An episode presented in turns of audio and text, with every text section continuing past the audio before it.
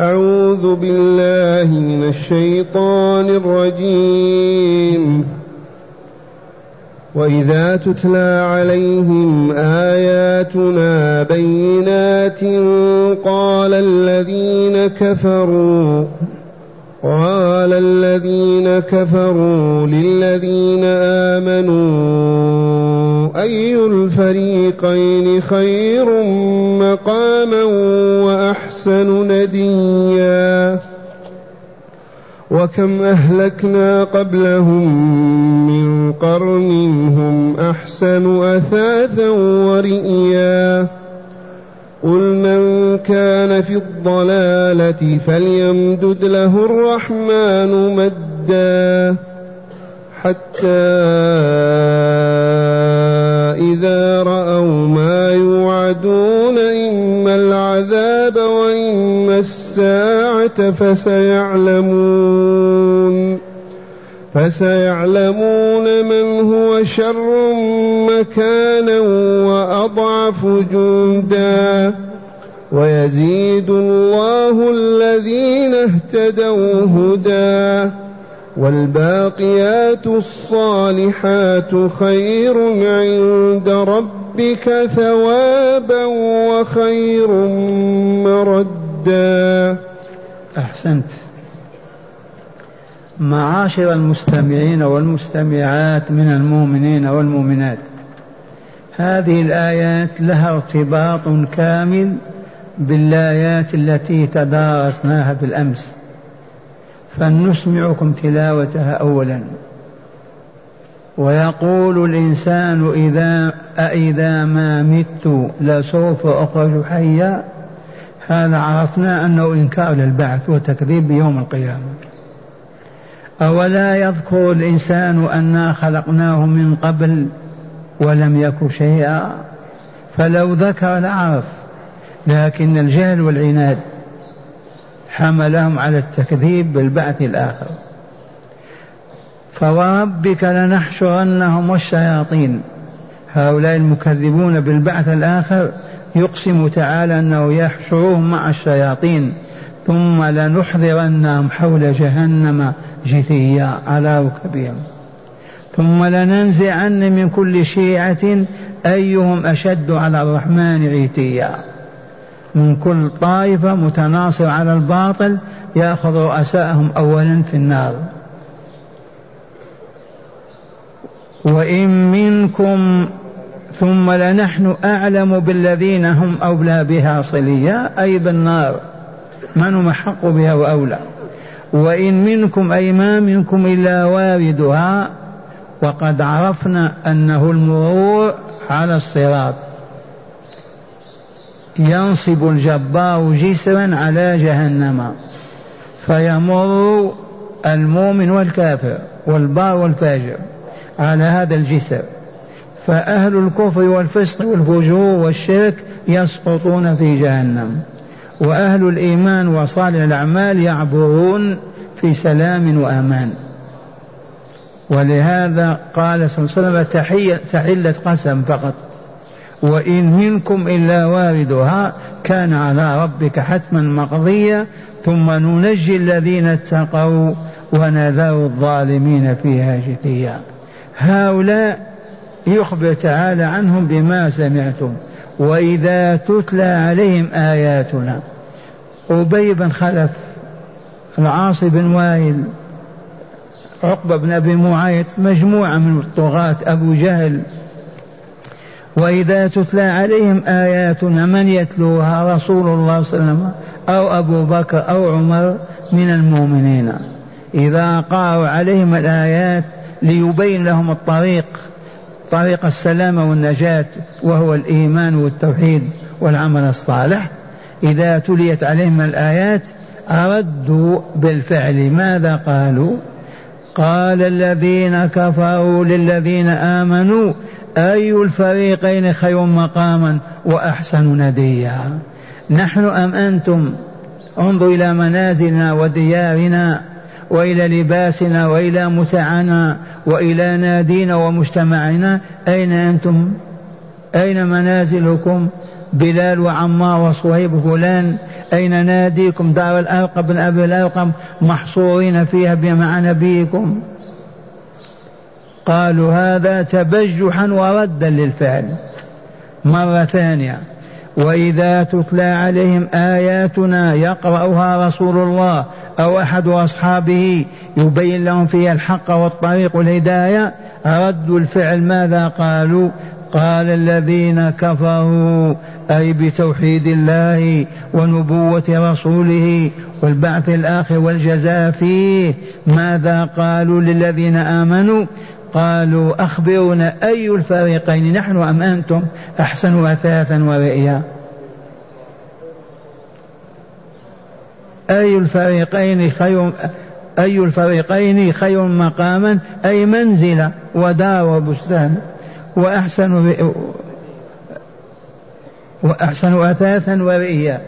الأثاث في المنزل معروف الفرش الأدوات الأواني كله أثاث. و والندي هو النادي.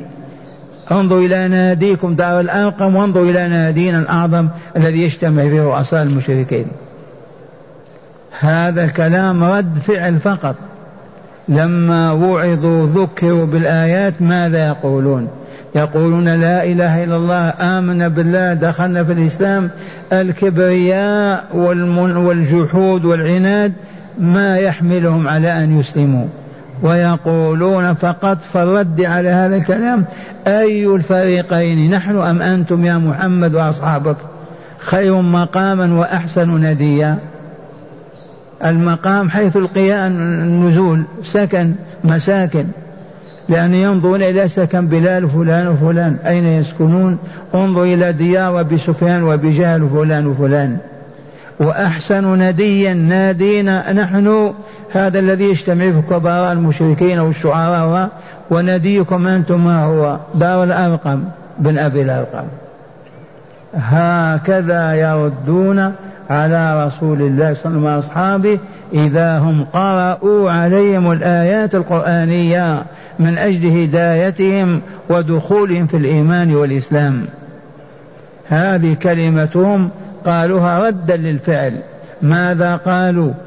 قال الذين كفروا للذين آمنوا أي رسول الله وأصحابه أي الفريقين أخبرونا خير مقاما وأحسن نديا أنا نحن أم أنتم؟ عرفتم ماذا لماذا قالوا هذا؟ ليردوا حتى ما يسمعوا الآيات ولا يدخلون في الإيمان والإسلام. قال تعالى وكم أهلكنا قبلهم من قرن؟ كم وكم وكم من أهل قرون أهلكناهم. لماذا؟ وكم أهلكنا قبلهم من قرن هم أحسن أثاثا ورئيا. كم وكم من القرى من الأمم أهلكهم الله أحسن من قريش وكفار قريش لا في الأثاث ولا في المنظر. وقرية زيا أي منظرا. كثيرا من الأمم أهلكها الله من أهل القرون السابقة والحال أنهم أحسن من كفار قريش منظر وأحسن منهم أثاث. لا قيمة لما عند قريش مع قوم عاد وثمود. وكم أهلكنا قبلهم من قرن أي من أهل قرن هم أحسن أثاثا أثاث ما في البيوت من أمتعة وأحسن رئية أي منظرا في جمالهم ولباسهم وصلاحهم. ثم قال تعالى لرسوله صلى الله عليه وسلم قل من كان في الضلال فليمدد له الرحمن ودا مدا ذي سنة الله عز وجل. أخبرهم أن من كان في الضلالة ضلالة الشرك والكفر والتكذيب بالنبوة المحمدية وإنكار البعث والجزاء وتنكل الصالحات ورفضها هؤلاء فليمدد لهم الرحمن مدا يزيدهم في أموالهم في لباسهم في أثاثهم حتى في أعمارهم حتى تحين ساعة الهلاك. ذي سنة الله عز وجل. أهل الطغيان والشر والفساد ما يهلكهم الله لأول مرة بل يملي لهم ويمهل ويزيد ويزيد حتى يبلغوا الحد الذي يستوجب به عذاب الله فيهلكهم. هكذا يعلم الله تعالى رسوله ليعلم كفار قريش مصيرهم. قل يا رسولنا من كان في الضلالة الضلالة والضلال البعد عن الحق عدم معرفة الحق والذين يعبدون الأصنام والحجار ويستغيثون بها عرفوا الطريق مشوا في طريق الهداية ضلال. كفروا بالله ونسوه وأشركوا عنه وأشركوا به وتنكروا لرسالته ونبوته فهم في الضلالة. قل من كان في الضلالة فليمدد له الرحمن تعالى مدا يزيد في عمره في ماله في طغيانه حتى تحين الساعة ويتم الأجل. ذي سنة ما تتخلف. فما كل ظالم قال الظلم هلك من يومه. لا بد وأن يملي لهم ويمهل حتى يستوجبوا المسخ والعذاب. قل من كان في الضلالة فليمدد له الرحمن مدا حتى إذا رأوا ما يوعدون يوم القيامة إما العذاب وإما الساعة. حتى إذا رأوا ما يوعدونه من قبل الله وقد توعدهم بالعذاب إما عذاب الدنيا بالوباء بالبلاء بالمرض بألم من الألم أو عذاب يوم القيامة. في ساعة فصل القضاء. حتى إذا رأوا ما يوعدون إما العذاب في الدنيا بالبلاء الذي يصيبهم وإما الساعة عذاب الساعة. هناك فسيعلمون من هو شر مكانا وأضعف جندا. رسول الله وأصحابه أو أبو جهل ورجالته. ثم يعرفون. مرة ثانية قل يا رسولنا قل لهم من كان في الضلالة فليمدد له الرحمن مدا. إلى متى؟ حتى إذا رأوا بأعينهم ما يوعدون من عذاب الدنيا وعذاب الآخرة إما العذاب في الدنيا وإما الساعة فسيعلمون ثم من هو شر مكانا. رسول الله أبو جهل وجماعته وأضعف جندا ونصرا. ثم يعلمون. إما عذاب الدنيا إذا دقت ساعته ثم يفهمون من هم أفضل رسول وأصحابه أم هم.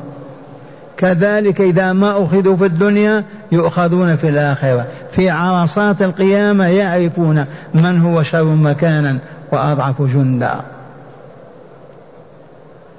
ثم قال تعالى ويزيد الله الذين اهتدوا هدى الظالمون يمهلهم يؤسع لهم يتركهم حتى تدق ساعتهم.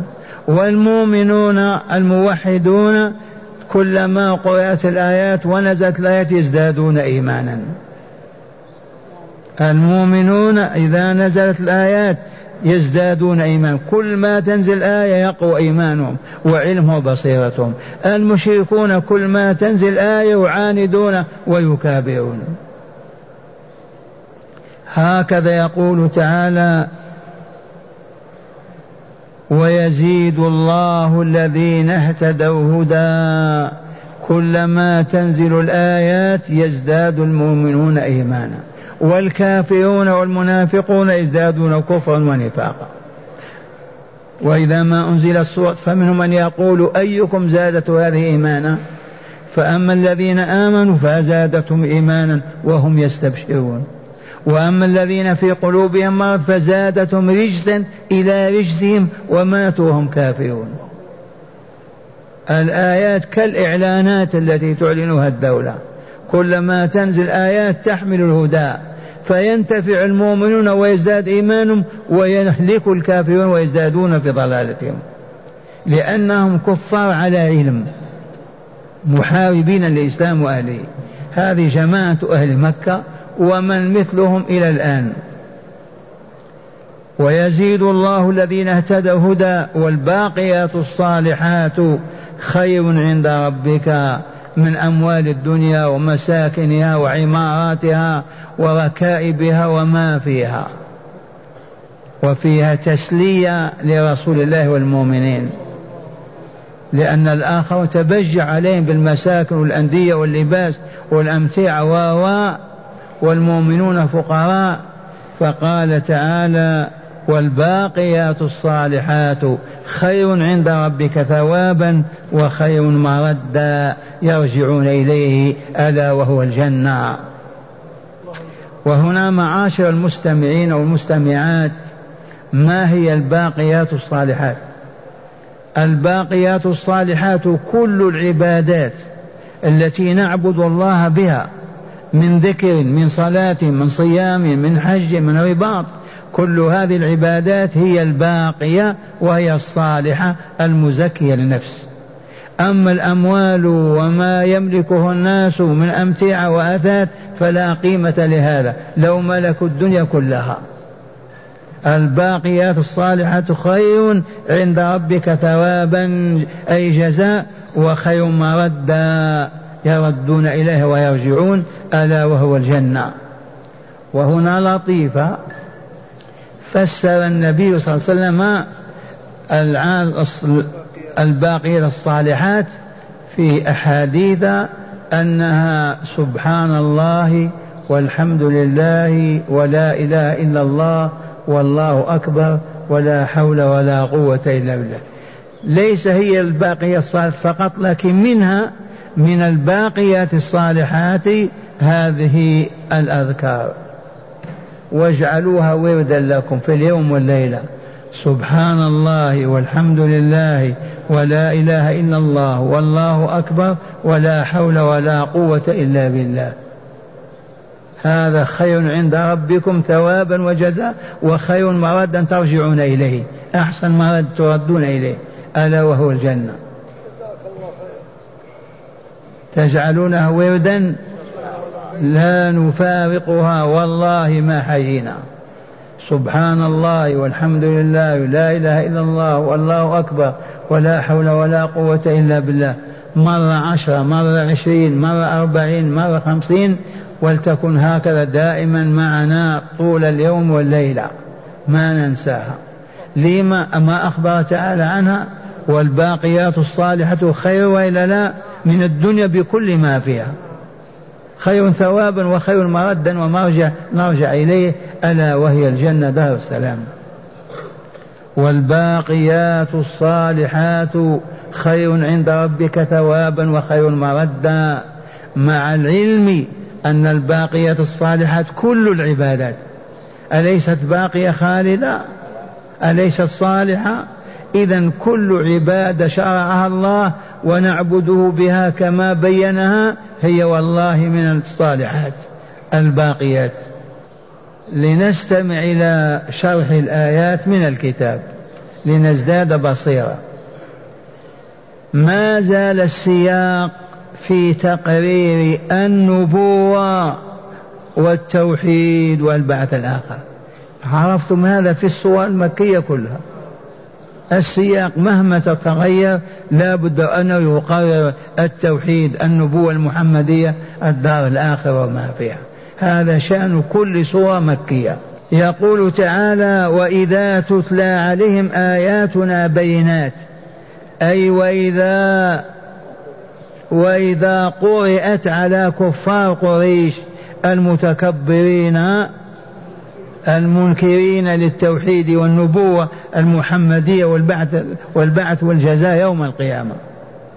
وإذا تلي قرئت تليت قرئت على كفار قريش من يقرأ الآيات علمنا رسول الله وأصحابه في مكة. على كفار قريش المنكرين المكذبين بالتوحيد والنبوة المحمدية والبعث والجزاء يوم القيامة. إذا قرأ عليهم رسول الله صلى الله عليه وسلم أو أحد المؤمنين من أصحابه بعض الآيات من القرآن البينات في معانيها ودلائلها على التوحيد والبعث لأنهم عرب وآيات القرآن يفهمونها واضحة. فقال الذين كفروا للذين آمنوا أي الفريق أي الفريقين خير مقاما وأحسن نديا؟ نحن أم أنتم؟ إذا قرأت الآيات من رسول الله وأصحابه على أبي جهل على عقبة على فلان أو بي بن خلف يردون بدل ما يقولون آمنا واتبعنا صدقتم نحن جهال ضلال لا يقولون أي الفريقين خير مقام وأحسن ديا نحن أم أنتم انظروا إلى لباسكم ومتاعكم وبيوتكم وناديكم الذي تجتمعون فيه. وانظروا إلى ما عندنا نحن. هذا كلام باطل. ولكن ماذا يقولون إلا هذا؟ ليردوا الكلمة. فقال الذين كفروا للذين آمنوا أي الفريقين خير مقاما وأحسن نديا؟ عرفتم الندي ما هو النادي الذي يجتمعون فيه. وقولهم هذا هو رد فعل لا غير. ما هو واقع؟ رد فعل. إذ أنهم لما يسمعون الآيات تجعل الوعد تحمل ألو... لما يسمعوا الآيات تحمل الوعد للمؤمنين بالخير والوعيد للكافرين بالشر. من مثلهم. لا يجدون ما ما يخففون به ألم نفوسهم فيقولون هذا الذي أخبر تعالى به عنهم. لما يسمعون الآيات بينات واضحة ماذا يفعلون؟ ما يجدون كيف يخففون عن أنفسهم؟ يقولون هذه الكلمة أي الفريقين خير مقاما وأحسن نديا. قال أي الفريقين أي فريق المؤمنين أو فريق الكافرين خير مقاما أي منزلا ومسكنا وأحسن نديا أي ناديا ومجتمعا يجتمعون فيه. لأنهم يقارنون بين منازل الفقراء المؤمنين دار ودار الأرق بن أبي الأرقم التي يجتمع فيها الرسول صلى الله عليه وسلم والمؤمنون وبين دور ومنازل أبي سفيان وأغنياء مكة ونادي قريش وهو مجلس شوراهم فرد تعالى عليهم بقوله وكم أهلكنا قبلهم من قرن هم أحسن أثاثا ورئا هذا قوم عاد كانوا كأهل مكة قوم ثمود كانوا كأهل مكة. والله ما كان كانوا أجل وأعظم في كل شيء في شؤون الحياة. فرعون أهلكه الله كان مثل قريش يعني كان أعز وأعلى وأعظم. وكم أهلكنا قبلهم من قرن يعني من أهل قرن والقرن مئة سنة كما تعرفون هم أحسن أثاثا ورئيا أي منظرا. أي لا ينبغي أن يغرهم هذا الذي يتبجحون به ويتطاولون فإنه لا يدوم لهم. ما داموا يحاربون دعوة الحق والقائمين عليها. فكم وكم من أهل قرون أهلكناهم لما ظلموا وكانوا أحسن من هؤلاء مالا و و ومتاعا ومناظر حسنة جميلة. وقوله تعالى قل من كان في الضلال فليمدد له الرحمن مدا. هذا والله إلى الآن. قل من كان في الضلال في الشرك والكفر والفسق والفجور والبعد عن الإيمان والإسلام والدار الآخرة هؤلاء أي اذكر لهم سنتنا في عبادنا يا رسولنا. ما هذه السنة؟ هي أن من كان في ضلالة الشرك والظلم والمكابرة والعناد فإن سنة الرحمن فيه أن يمد له بمعنى يمهله ويملي له ويزيده استدراجا حتى إذا انتهوا إلى ما حدد لهم من زمن يؤخذون فيه بالعذاب جزاء كفرهم وظلمهم وعنادهم وهو إما عذاب دنيوي بالقتل والأسر ونحوهما أو عذاب الآخرة بقيام الساعة حيث يحشرون إلى جهنم عميا وبكما وصما جزاء التعالي والتبجح بالكلام وهو معنى قوله تعالى حتى إذا رأوا ما يوعدون. فسيعلمون من أضعف حتى إذا رأوا ما يوعدون إما العذاب وإما الساعة. واحدة من اثنين. ثم سيعلمون من هو شر مكانا وأضعف جندا. هم أو رسول الله وأصحابه. أي شر منزلا وأقل ناصرا لهم الكافرون أم المؤمنون؟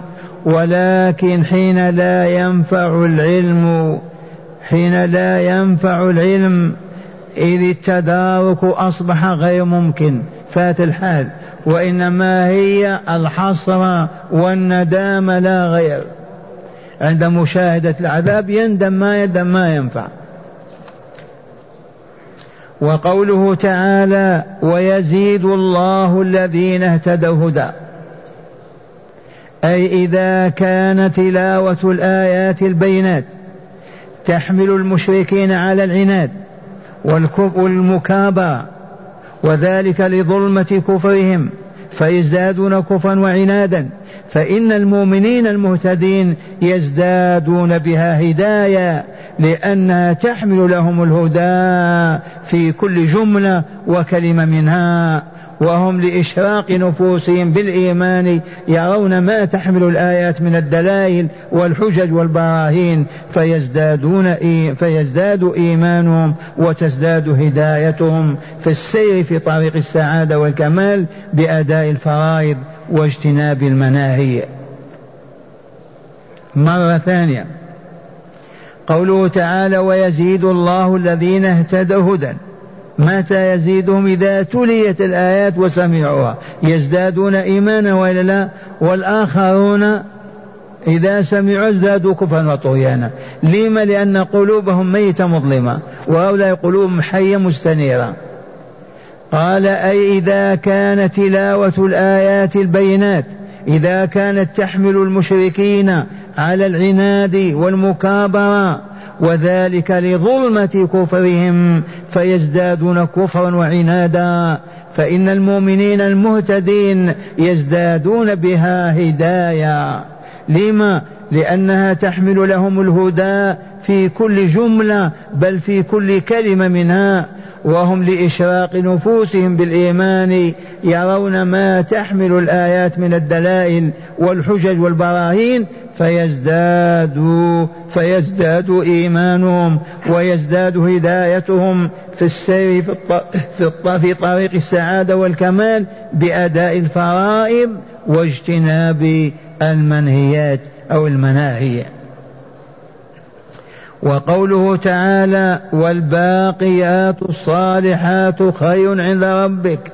أيها الرسول خير عند ربك أيها الرسول ثوابا وخير مردا. أي في هذه الآية تسلية في هذه الآية تسلية للنبي صلى الله عليه وسلم والمؤمنين بأن ما يتبجح به المشركون من المال والمتاع وحسن الحال لا يساوي شيئا أمام الإيمان وصالح الأعمال. إي والله العظيم.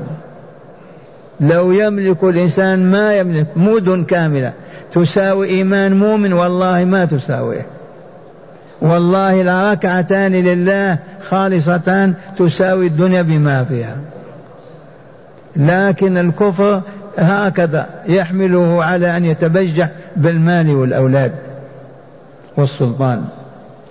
وقوله تعالى والباقيات الصالحات خير عند ربك أيها الرسول خير ماذا ثوابا وخير مردا في هذه الآية.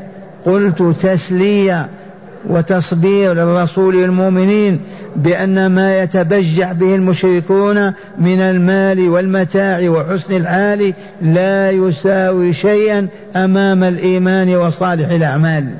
لأن المال فاني والصالحات باقيات فيثاب الباء فثواب الباقيات الصالحات من العبادات والطاعات خير من كل متاع الدنيا وخير مردا أي مردودا على صاحبها إذ هو الجنة دار السلام والتكريم والعنام والإنام اللهم اجعلنا من أهل الجنة يا رب العالمين.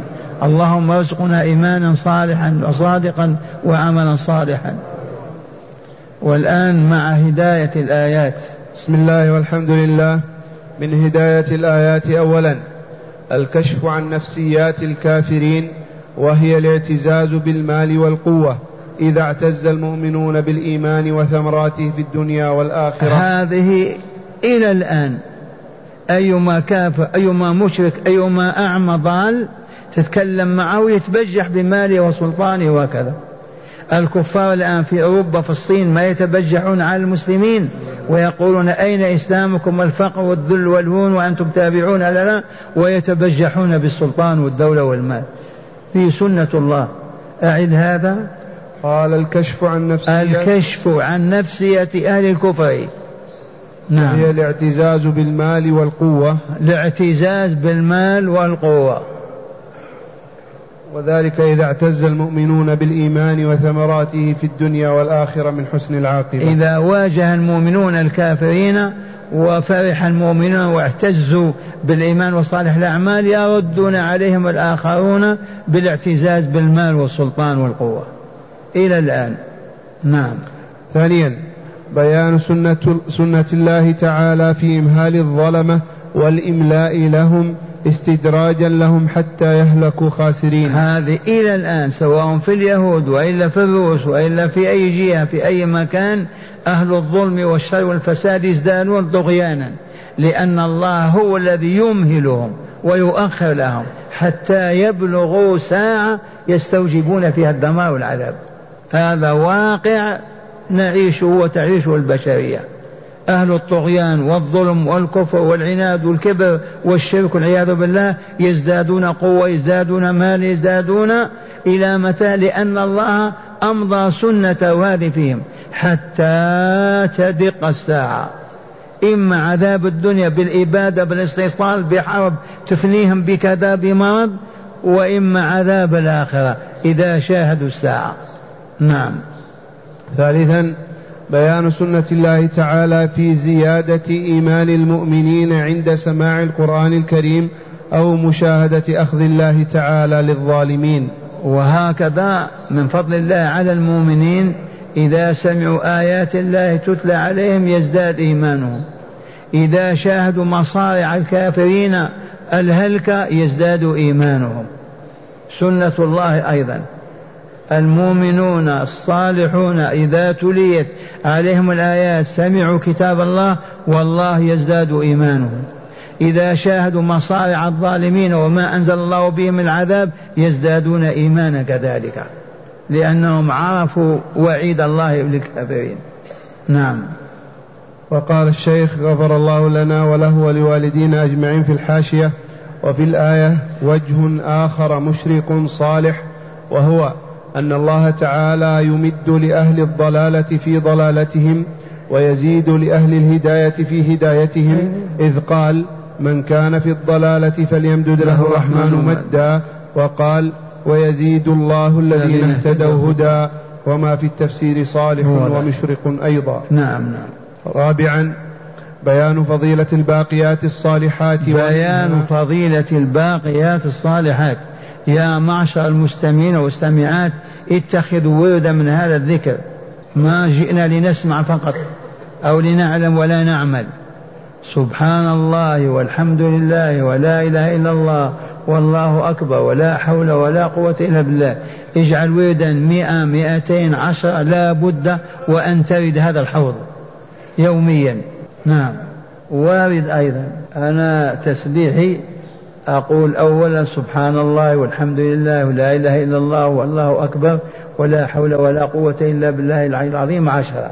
ثم سبحان الله والحمد لله ولا إله إلا الله والله أكبر ولا حول ولا قوة إلا بالله عشرة. ثم سبحان الله والحمد لله ولا إله إلا الله والله أكبر عشرة. ثم سبحان الله والحمد لله والله أكبر عشرة. لأن هذه كلها واردة. فنجمع بينها كلها. إذا رابعا وأخيرا بيان فضيلة الباقيات الصالحات ومنها سبحان الله والحمد لله ولا إله إلا الله والله أكبر ولا حول ولا قوة إلا